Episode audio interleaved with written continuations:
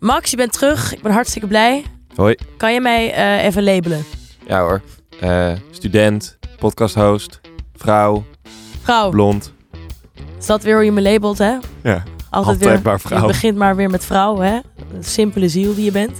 Ja, misschien moeten we het even over hebben. Misschien kan Dilara ons een beetje eh, wat, wat leren over labels. En of we er eigenlijk ook al van af moeten. Ja, want te gast hebben wij Dilara Bilgic. Zij is schrijfster. Ze heeft al twee boeken geschreven en ze is nog maar 19 jaar oud. Ik heb echt heel veel zin om te gaan luisteren naar dit gesprek. Ja, en ze heeft ook net een nieuw boek uitgebracht. De Gelabelde. Met een dikke streep erdoor. Ook allemaal symboliek. Als je dat boek wil winnen, stuur even onze DM met wat voor labels je over ons als podcasthost hebt. En onder die inzendingen verloten we twee gesigneerde boeken. Ik denk dat we hierbij ons eigen graf aan het gaven zijn. Ik ben doodsbang. Ik ook. Maar goed, ik ben wel heel erg blij dat we dit gesprek hebben gehad met haar. Dus ga vooral luisteren. Max, ik ben zo blij dat je terug bent. Ik heb, Ik ben je, blij echt, dat ik jou weer zie ook. ik heb je echt een beetje gemist. Ja, het is echt lang geleden, want we hebben nog wel een interview proberen te doen samen toen ik weg was. Wat een drama was dat voor mij met die verbinding. Maar Dus dat was niet normaal. niemand heeft mij ook maar een vraag horen stellen, denk ik. Het was, aan het begin was je nog best wel actief. Het was dan oké, Max kan nog wel gewoon meedoen met misschien drie seconden vertraging. Ja. Uiteindelijk, you vanished. Je was gewoon ja, weg. Koos moest steeds het weer met de laptop naar buiten lopen om mijn verbinding terug proberen te krijgen terwijl jij met Tim aan het praten was. Wel een leuke aflevering. Luister Dankjewel. hem vooral terug. En nu zijn we eindelijk weer in de studio, zonder vertraging. Zonder vertraging en met een waanzinnig coole gast aan tafel. Misschien kennen jullie haar wel van het boek De Black Box Democratie. Die ze heeft geschreven op haar zeventiende, als ik geen fout maak. Yes, klopt. Ehm, en ze heeft net weer een nieuw boek uitgegeven, de gelabelde Dilara Bilgic. Schrijf, spreek ik je naam goed uit? Ja hoor, ja. Welkom. Ik ben echt super vereerd om je hier te kunnen ontvangen. Wat een inspirerend verhaal heb jij. Je hebt dus nu al twee boeken geschreven. Op je negentiende is het? Ja, ik ben nu nog 19 jaar. Bijna twintig? Nee, augustus, eind dat, augustus. is, dat is echt nog gewoon 19. Eh, hoe? hoe doe je dat? En waarom? Ehm, nou ja, de hoe, dat komt eigenlijk pas na de waarom bij mij. Het begint vaak gewoon, nou vaak, het, het is pas mijn tweede hoor, dus laten we het ook niet eh, Pas vergroten. Ehm, maar het, het begint bij mij wel eh, met, met een soort van drive dat je iets ziet. Eh, bijvoorbeeld bij het eerste boek, dan zie je in de media hoe het eraan toe gaat in de politiek. En hoe eh, nou ja, bijvoorbeeld eh, vrij recent eh, twee uur lang wordt gedebatteerd over de al dan niet actieve herinneringen van een politicus. Ehm, in plaats van het hebben over de inhoud. En dat, dat riep bij mij een soort van de vraag op van, ja maar wacht, waarom doen we dit eigenlijk? Hoe was het voorheen? Eh, en kan het niet anders? Eh, dus nou ja, dan begin je eigenlijk met onderzoeken. Het eerste boek begon vooral ook als profielwerkstuk. Eh, en Wat fantastisch. Ja. Dat gewoon uit je profielwerkstuk een, een je een boek serieus vloeit. boek wat je Ja, mag nou, het- het was presenteren een aan Mark beetje- Rutte. Ja, Ja. het was een beetje een uit de hand gelopen profielwerkstuk. En uiteindelijk eh, op, heb ik dat opgestuurd naar ehm, ja, de uitgeverij eh, Boomuitgevers. Omdat ik dacht, nou, dat is best wel een filosofische uitgeverij. Waar ik best wel, ja, waar heel toffe boeken uitkomen van filosofen. En toen waren zij er ja, positief over. Ik vind het nu al bijna een tip voor de luisteraars. Als je gewoon goede dingen schrijft, zoals profielwerkstuk of een scriptie, stuur het gewoon in. Ja, wie, Wie weet weet. wordt het ja, boek. moet natuurlijk wel. Je moet wel voordat je het opstuurt, eh, wel een soort, zeg maar, het meest droge eruit halen. Want anders dan gaan ze het waarschijnlijk niet lezen. Maar op het Ja. moment dat het een beetje op een boek begint te lijken, kun je het prima opsturen, denk ik. Ja, maar ook eh, wanneer schrijf je een profielwerkstuk wat op een boek begint te lijken? Ik heb het idee dat als ik terugkijk in mijn zesde klas, dat iedereen een beetje PWS schreef over, ja, eh, weet ik veel waar ik het over wil schrijven. En jij had gewoon echt een onderwerp waar je gewoon een passie voor had. En daar ook echt meer onderzoek naar wilde doen. Hoe is dat ontstaan? Hoe, hoe, hoe is die, eh, die passie ontstaan? Ja, ik, ik denk dat ik al wel vanaf de middelbare school eh, eigenlijk wel een soort passie voor filosofie had. En ook gewoon voor reflectie, filosoferen. Ehm, en nou, dat, dat ontwikkelde zich. En vaak komen daar dus thema's bij. Kijk, bijvoorbeeld politiek, daar, dat, dat vind ik ook heel interessant om te onderzoeken en te analyseren. En dat gecombineerd met politiek filosofie, ja, dat kwam tot eh, de black box democratie. En bij het tweede boek is het weer een heel maatschappelijk thema, waarbij dat gecombineerd met filosofie en psychologie in dit geval, ehm, weer ook kwam tot een idee waarvan ik dacht, oké, dat wil ik uitbreiden. En het is niet per se dat ik soort van het idee had van, ik wil per se een boek hebben geschreven. Ehm, maar het is meer, ik heb, ik heb heel vaak dingen die ik dan wil bespreken of eh, in het maatschappelijk debat wil soort van brengen. En ja, soms is dat met een video, dat ik denk van, oh, dit kan prima in een video, dit kan prima in eh, een essay misschien opsturen, kijken of, of bijvoorbeeld een krant dat zou willen publiceren. Maar ja, soms is je boodschap soort van heeft het die nuance nodig. En dat onderzoek en al die, nou ja, verstopte verschillende lagen eronder. En dan kom je al gauw uit op een wat groter werk. En ja, dan kom je uit op een boek. Ja, want even voor de duidelijkheid, jij bent ook inderdaad, je maakt video's op YouTube waar je met mensen in gesprek gaat. Ehm, en daar was je toen ook al, voordat het boek uitkwam, wel bezig ook met het idee van labels, toch? Ja, ja zeker. Want jouw nieuwe boek heet De Gelabelde met een streep erdoorheen. Ja, klopt. Ehm, en dat gaat over het idee van labels. Wil je dat iets toelichten, waar dat, Mhm. waar dat van idee vandaan kwam om het daarover te hebben? Eh, en eh, wat misschien de strekking is van jouw verhaal? Ja, de gelabels, dat is eigenlijk, ehm, dat, dat gaat inderdaad over labels en hoe we elkaar labels en stereotypen opplakken. En ook dat begon eigenlijk echt als een gorddroge filosofische analyse. En ik merkte gewoon, dit gaat hem niet worden. Dit is, het, moet, het moet een verhaal hebben om soort van mijn boodschappen erin te verwerken en te verstoppen. Dus toen eh, nou ja, heb ik het gaandeweg eigenlijk een beetje verweven in mijn eigen verhaal. Zodat het wel non-fictie blijft en ook wel literair. Ehm, maar dat ik wel die boodschap erin kwijt kan en al die verschillende lagen erin kan verstoppen. En nou, de reden dat ook bijvoorbeeld de titel is doorgestreept, ehm, dat is ook meteen een soort van een weggestopt, weggestopte boodschap, zou je kunnen zeggen. In die zin dat ik daarmee wilde aangeven van eh, labels, we doen het allemaal. Ik kan er ook niet omheen, want dat boek dat kwam er gewoon niet als ik alle labels weg zou moeten halen. Dan had ik het niet eens kunnen hebben over een tafel of een beker, want dat is ook een label. Ehm, dus ik wil eigenlijk aangeven van oké, we doen het allemaal. Maar bewustwording daarover, dat helpt wel. Ook als je kijkt naar psychologisch onderzoek. Als je, op het moment dat je er bewust van bent dat je labelt, dat je generaliseert. En je ook soort van in je achterhoofd houdt van oké, het label dat ik gebruik voor, eh, voor jou, dat, is, dat zegt niet alles over jou. Je zegt we doen het allemaal. En ah, zolang je er bewust van wordt, dan kunnen we erover praten. En dan is dat iets eh, waar we meer over kunnen leren. Zijn labels slecht? Zeg maar, moeten we er wel vanaf willen? Ik heb ook het idee dat labels vaak ook aan mensen misschien houvast kunnen geven. En Zeker. ook een, misschien een soort sense van belanging. Mhm. Ehm, al helemaal in de wereld waar we natuurlijk nu in leven. Hè. Iedereen moet... eh, ja, iedereen wil zijn wil zijn eigen kleine met trots niche. draag ik het label Ajaxiet. Precies, maar eh, begrijp je wat ik Mhm. bedoel? Zeg maar, Ja. moeten wij daarvan af? Is er iets eh, in de Nee. toekomst wat we zouden moeten doen aan het bestaan van labels? Mhm. Nee, ik denk het niet. Ik denk niet dat labels inherent slecht zijn. En eh, kijk, wa- wat je ook net zegt, om een wij te kunnen hebben, moet je ook een zij hebben. Het, is, het, is, het moet afgebakend zijn om te kunnen spreken van een wij. Dus eh, natuurlijk is het ook gewoon psychologisch gezien heel efficiënt om te kunnen labelen. Want dat zorgt er gewoon voor, ook als je kijkt naar hoe het brein werkt, dat je gewoon dingen compacter kunt maken. Dat je niet voor elke persoon hoeft te onthouden. Eh, nou, al die specifieke dingen, maar dat je kon- gewoon kunt zeggen van oké, student.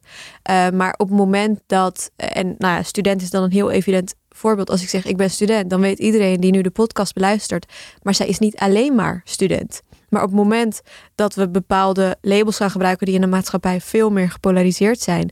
Bijvoorbeeld nu, nou ja, oké, nu niet meer, want de maatregelen zijn afgestapt, afgeschaft. Maar wappie, dat was een tijd geleden. Op het moment dat je zegt, oh, dat is een wappie, dan wordt dat gebruikt, heb ik gemerkt, op een veel meer allesomvattende manier. Dus als je het hebt over een wappie, dan komen daar heel veel soort van eigenschappen al bij kijken van, oh ja, dat is, dat is zo iemand en die vindt dit en die vindt dat. En het is gewoon echt een verzameld term waarbij je dan iemand stopt op het moment dat hij al kritisch begint te zijn Volgens over het heb jij beleid. deze meegemaakt, Sarah. De wappie, het Nou, dat komt, label. dat komt vooral door jou. Ik ben eigenlijk voor de rest door niemand zo genoemd. Eh, maar eh, Max is inderdaad een verwend eh, gebruiker van dat soort labels. Hij houdt ervan om dat makkelijk te categoriseren in zijn, eh, in zijn gedachten. Ehm, Kleine persoonlijke aanval in deze podcast. Nee hoor. Ehm, maar ik ben dan.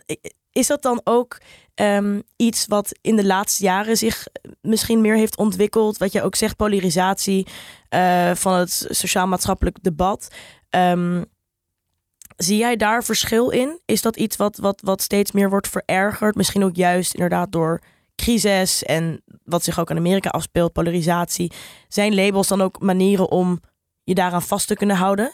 Ik weet eigenlijk niet of het zeg maar nu erger is. Ik denk dat labelen echt iets ja, inherent menselijks is. En dat ik dus niet kan zeggen van ja, 50 jaar geleden was het beter. Waren we allemaal elkaar als mensen aan het erkennen. Ik denk dat je in elke samenleving wel. Dus het is ook echt niet iets van alleen maar Nederland. Ik denk dat je in elke samenleving, in elke groep wel wordt, kan worden gelabeld als de ander. En dat dat hier toevallig misschien een bepaalde groep is met bepaalde kenmerken. Maar het zal, hè, weet je, het zal in Amerika niet heel veel anders zijn. Al, al dan niet met andere termen. Ja. Maar ook daar wordt dan heel erg gelabeld en worden mensen dus echt gereduceerd tot een hokje soms. Wat voor ervaring heb jij zelf met, met labels? Van, ik neem aan dat het ook uit de, je zegt het is ook een persoonlijk verhaal, ook dat boek. Mhm. Ehm, hoe, hoe heb jij ermee moeten dealen in je leven? Ja, ik denk dat, dat ik inderdaad ook wel heel veel heb gemerkt om me heen. ehm, dat soms dus die labels of die stereotypen die mensen van je hebben, die leiden ertoe dat, dat je soms niet meteen als mens kan worden gezien. Iemand ziet alleen de labels. En dan moet je echt door die muur aan labels en stereotypen prikken om jezelf als die Lara kenbaar te kunnen maken. En ehm, ja, als dat lukt, dan merk je hoe waardevol dat is. Ook bij mezelf overigens merk ik ook dat ik ook bevooroordeeld ben en dat ik ook soms vooroordelen heb. En ik wilde eigenlijk laten zien van, want het, debat is nu voor mijn gevoel heel erg van, oh, ehm, jij labelt. Dus dat iedereen wijst naar de ander van, ja, jullie zijn aan het labelen. Maar ja, op het moment dat je dat zegt, label jezelf ook. Dus ik mis heel erg soort van die eh, erkenning van, weet je wat, we doen het allemaal. Ik ook. Ik bedoel, ik krijg te maken natuurlijk. eh, ik bedoel, op, op mijn DM's krijg ik niet altijd eh, de meest aardige berichten, laten we eerlijk wezen. Eh, maar om dan vervolgens een boek te schrijven waarin ik soort van de slachtofferrol uitgehangen en ga zeggen van, ja, zie je wel, ik word de hele tijd gelabeld door. En dan label ik ook een hele groep en zet ik ze weg als nou, gekken of als nou ja, racisten of ga zo maar door. Daar komen we helemaal niet mee verder. Op het moment dat ik zeg van oké, jullie doen het, maar ik doe het ook. Want ik ben ook een mens, ik ben ook bevoordeeld. Maar uit psychologisch onderzoek blijkt dat als je eraan werkt of als je er bewust van bent, dat je echt zeker wel eh, eraan kunt werken en dat je wel vooruitgang kunt boeken. Dan denk ik dat we een heel stuk verder komen. Ja, want je bent op hetzelfde moment ook student psychologie. Klopt. Dus dat combineer je hier ook nog mee. En Ja. werkt dat, helpt dat, dat die studie, of is het meer een soort last dat je ook nog moet studeren, zeg maar? Of het is het dat zeker nog een last. Ik moet heel eerlijk zijn. Ik, eh, ik, ik heb wel zeg maar al twee jaar soort van ruzie met de Vrije Universiteit. Ehm, in die zin dat ik mijn psychologisch inzicht vooral buiten de studie binnenhaal. En de studie is meer een soort van het velletje wil ik gewoon hebben. Om Ja. zeg maar te kunnen zeggen ik heb een diploma. Maar niet dat ik het gevoel heb dat die studie op de een of andere manier inhoudelijk echt prikkelend is. Nee. Zonde is dat eh, eigenlijk. Ja, ja. Ja, dat- En het is heel zonde dat het. Nou, ik loop echt wel aan tegen een soort van het kinderachtige beleid van de VU. Nou, nu ben ik ook zelf even heel gechargeerd aan het praten, maar mooier uit. kan ik het niet maken. Het is wel. eh, de werkgroepen zijn verplicht, maar die zijn. Nou, ik haal daar zelf gewoon helemaal niks uit. En op het moment dat ik dan bijvoorbeeld nu bij een podcast zit en stel ik heb zo meteen een interview, dan moet ik daarna bij de werkgroep aanwezig zijn om überhaupt het vak te kunnen halen. Dus dan zit je echt te hollen naar een werkgroep, terwijl je eigenlijk ook het had kunnen vullen met veel nou ja, mooiere dingen, denk ik. Ja, Er moet Ja. veel meer ruimte komen voor studenten om buiten je studie met hetzelfde onderwerp gewoon bezig te kunnen zijn, toch? 100%. Ik denk ook wel dat veel mensen, vooral nu studies eh, drie jaar duren voor een bachelor. En veel mensen hebben natuurlijk gewoon grote druk met nominaal afstuderen. Dat dat ook niet erg wordt gemotiveerd of gestimuleerd om Mhm. dingen erbuiten te doen. Ja. Ik heb dat zelf ook met mijn studie, met PPLI. Al die werkgroepen zijn verplicht. Mhm. En mensen hebben een soort obsessie om dat allemaal in één keer te halen. Maar ja, dan ben je na drie jaar klaar. En wat heb je er eigenlijk buiten gedaan? Of heb je daar buiten iets gedaan om jezelf te ontwikkelen? Mhm. Dat weet ik niet. Nee. Je zegt wel, ik wil graag dat papiertje halen. Waarom is dat zo belangrijk? Nou, niet per se belangrijk. Het is gewoon meer, ik zit nu in het tweede jaar en ik denk wel van, ik bedoel, je haalt wel op de een of andere manier de wetenschappelijke kant ervan, krijg je wel mee. Eh, en ik heb ook absoluut wel een soort van, de hoorcolleges, die zijn ook zeker wel nuttig, want dat, daar zit echt de kennis. Alleen is het enige waar ik nu vooral tegenaan loop, zijn die verplichte werkgroepen waarbij je die flexibiliteit niet hebt. En ik, ik dacht altijd, na de middelbare, dat was altijd, weet je wel, het betuttelende soort van, je moet erbij zijn, want we vertrouwen jullie niet. En ik dacht, de universiteit, dat zal wel veel meer, want zo werd dat altijd verteld. Veel meer vrijheid. En dan kom je eraan en dan is het eigenlijk gewoon middelbare school 2.0. Ja. Jij bent natuurlijk best wel jong. Je bent 19. En dat is natuurlijk ook een beetje een label van je bent jong. En ik, ik vind het fantastisch om je hier te hebben. Want we hebben hier veel jonge, inspirerende mensen. Ik kan me best wel voorstellen dat jij vaak eh, van misschien wat meer ervaren journalisten of ervaren schrijvers of mensen met wie je te maken krijgt, misschien ook een beetje wordt betutteld van ja, je bent misschien wel gewoon te jong om hierover te spreken of, of om een boek te schrijven. Heb je daar last van, van dat label, van dat je soort van misschien te jong bent in dat opzicht? Ja, jawel. Ik heb wel, ik heb wel eens gehoord van, ja, ben je wel niet eh, jong? Of dat, of dat mensen zeiden van, ja, maar wat kun je op je negentiende vertellen? En enerzijds snap ik dat volkomen, want ik bedoel, mijn ideeën zijn ook in ontwikkeling, maar dat is nou exact het punt wat ik in het boek maak. Dat, dat ik juist dat ontwikkelingsproces wil laten zien. En niet soort van van bovenaf wil zeggen van, hé hey jongens, kom eens kijken hoe ik van de labels af ben. En ik ben helemaal niet bevooroordeeld en jullie wel. En weet je wel, jullie moeten ook zo zijn. Dus het is helemaal niet dat ik mezelf van bovenaf laat zien, maar vooral laat zien van, oké, dit is het ontwikkelingsproces ontwikkelingsproces. En ik zit erin en ik merk wat de waarde ervan is dagelijks. Naarmate ik eraan werk, hoe waardevol het kan zijn en hoe waardevol de relaties het op kan leveren als ik mensen voorbij het label kan zien en als zij mij voorbij het label kunnen zien. Ehm, en dat ik dan eigenlijk wil, ja, de lezer wil meenemen in dat ontwikkelingsproces. Dus ik denk in dat opzicht, als je het zo bekijkt en niet vanuit een soort, ze heeft een wetenschappelijk boek geschreven en heeft, uh, hè, soort van, uh, gaat de samenleving uh, helemaal helpen. Maar op het moment dat je het gewoon wat kleiner bekijkt, het is gewoon vooral een analyse Ja. en Ja. een, een zoektocht. Ja, en wat je ook al eerder, eerder had verteld, is dat het ook een soort reflectie is op je eigen leven en je eigen ervaringen. Hoe werd dat ontvangen binnen jouw eigen omgeving? Door je ouders of door je familie? ehm, die daar misschien, die misschien ook wel gewoon schuldig zijn aan labelen soms. Of zelf ook te maken krijgen met labels. Hoe heb jij dat ervaren? Nou, mijn ouders die, die vonden het wel. Nou, er staan natuurlijk wel scènes en stukken in waar zij wel soort van emotioneel van zijn geworden. Omdat het wel confronterend is voor een ouder om gewoon terug te lezen. eh, hoe de dochter bijvoorbeeld, nou, wat, het, wat de invloed is van labels op mijn leven bijvoorbeeld. Dus sommige stukken vonden ze natuurlijk wel moeilijk om te lezen. Maar anderzijds zijn ze wel ook blij eh, dat ik überhaupt het thema wil aankaarten. En begrepen ze ook wel volkomen dat het dat soort van mijn boodschap wel beter zou worden ontvangen met een verhaal, met een waar gebeurd verhaal. En ja, dan ik, ik koos eigenlijk praktisch gezien gewoon Heb je voor. een voorbeeld van zo'n soort verhaal? Ehm, ja, ik, ik denk gewoon meer globaal gezien. Ja, voor een ouder is het wel, denk ik, confronterend om. Ik bedoel, je treedt wel publiekelijk met het verhaal. En het is heel anders dan het eerste boek, waarin ik gewoon echt. Dat was gewoon gordroog politiek filosofie. Waarbij, ik bedoel, dat, dat was heel makkelijk, omdat het soort van ver van me afstond. Dus het was gewoon een analyse. En mensen vragen de hele tijd dingen over de analyse.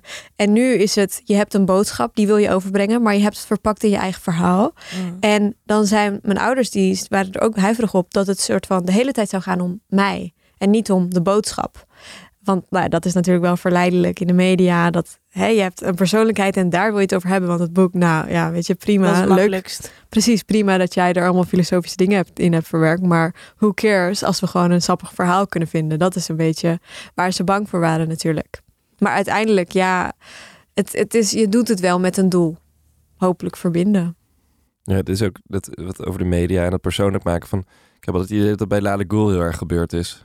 Ja, Dat die heeft ook gewoon een heel persoonlijk verhaal naar buiten gebracht. Maar uiteindelijk ging het alleen nog maar over die persoon ook.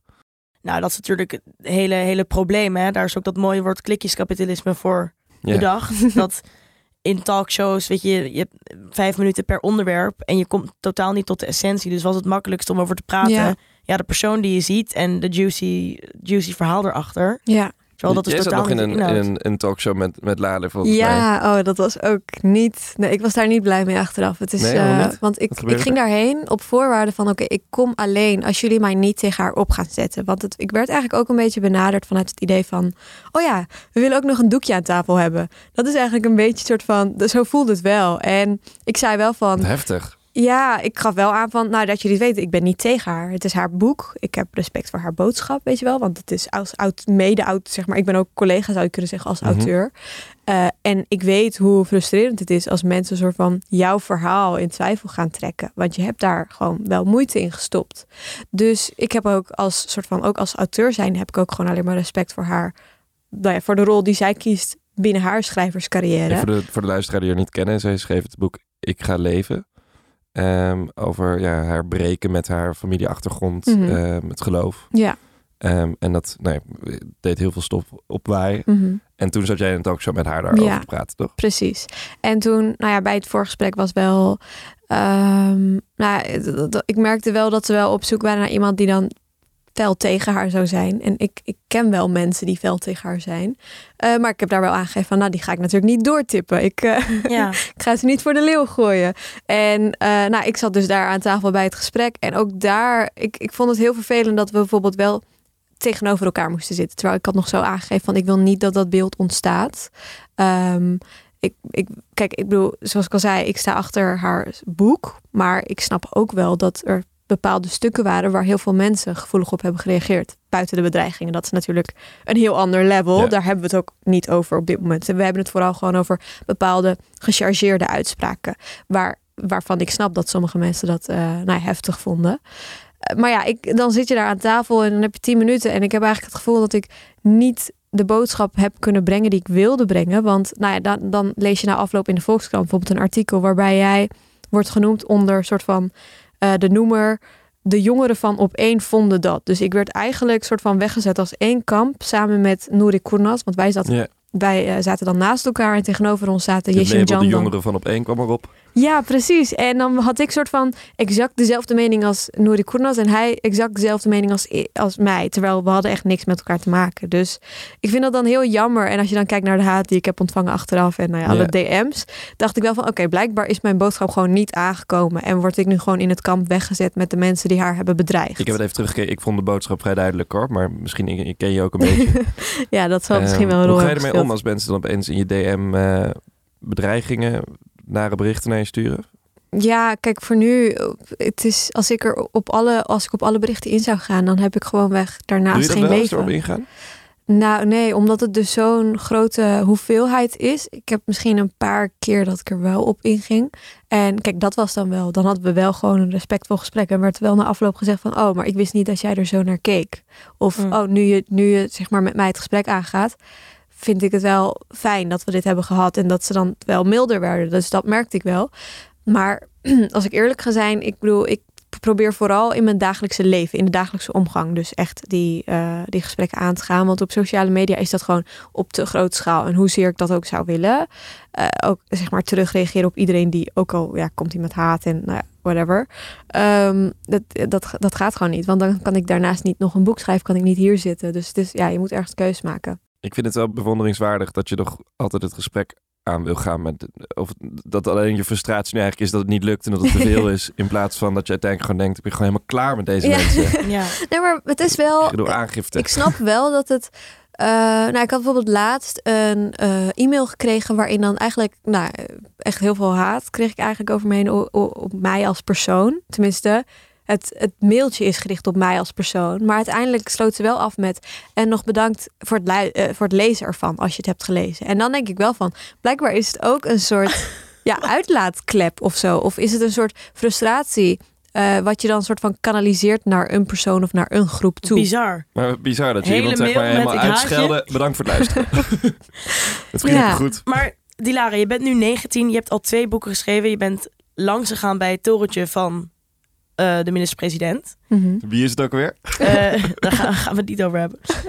um, maar wat wil je nog? Zeg maar, je hebt, je hebt al zoveel bereikt. Zijn er nog dingen waarvan je denkt: ik wil nog deze mijlpalen bereiken? Of hier wil ik echt nog uh, aan toekomen? Ja, ik denk zelf. Ik, ik zie mijn toekomst wel in de journalistiek. Dus ik zit daar nu heel erg aan te werken.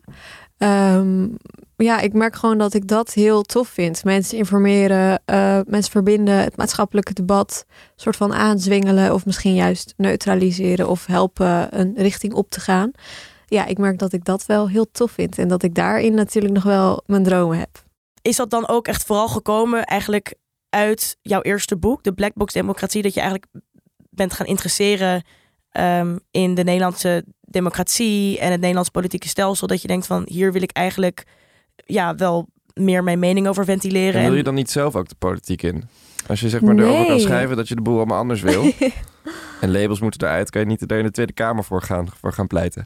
Ja, ik denk dat dat ook een optie is. Alleen is het de vraag. Ja, kijk, dat is bijvoorbeeld ook wel wat ik in, in het eerste boek uh, vooral als analyse soort van heb neergelegd. Dus niet dat het een harde uitspraak is. Maar wat ik me wel afvraag is, gezien het huidige systeem waar we nu in zitten en soort van um, de schakels aan ketenen eigenlijk, als je kijkt naar media, politiek en publiek, hoe dat zich tot elkaar verhoudt. Ik denk dat, dat daar wel het, grootste probleem zit. Want ik denk niet dat heel veel politici er echt wel soort van met kwade bedoelingen ingaan. Zo van, Welk ja, probleem zie je daar dan vooral? Nou, dat het dus vooral gericht is op de waan van de dag en op populariteit. En dat politici dus heel erg gericht zijn op, oh, ik moet mijn populariteit boosten. En ik moet van die uh, soundbites genereren. En weet je wel, uh, nou, scoops, dat is ook een heel bekend begrip in de media. Dat, dat dat allemaal speelt, zegt al iets over soort van het speelveld waarbinnen politici opereren. En ik denk niet dat dat zozeer te maken heeft met dat politici gewoon echt niet serieus zijn. Ik denk echt wel dat ze allemaal Als je ze allemaal spreekt, dan zullen ze echt wel zeggen van ik heb bepaalde idealen, ik wil gewoon de samenleving verbeteren. Maar op het moment dat je zoveel dossiers eh, en portefeuilles op je moet nemen en je hebt ook nog de media en je moet nog denken aan je populariteit, dan snap ik ook wel dat als je kijkt naar een soort van het speelveld waarin waarbinnen de politiek zich afspeelt, dat het misschien, nou ja, dat je soms gewoon heel erg polariserend gaat. Dat je zo uit gaat spreken, gewoon voor je populariteit. Of gewoon. Zou dat zijn uit, uit gemak? Gemakzucht? Dat je denkt dat is, het is makkelijker om te gaan voor populariteit dan daadwerkelijk een filosofisch uh, gesprek te hebben over de inhoud en waar we nou daadwerkelijk heen willen met de hele samenleving?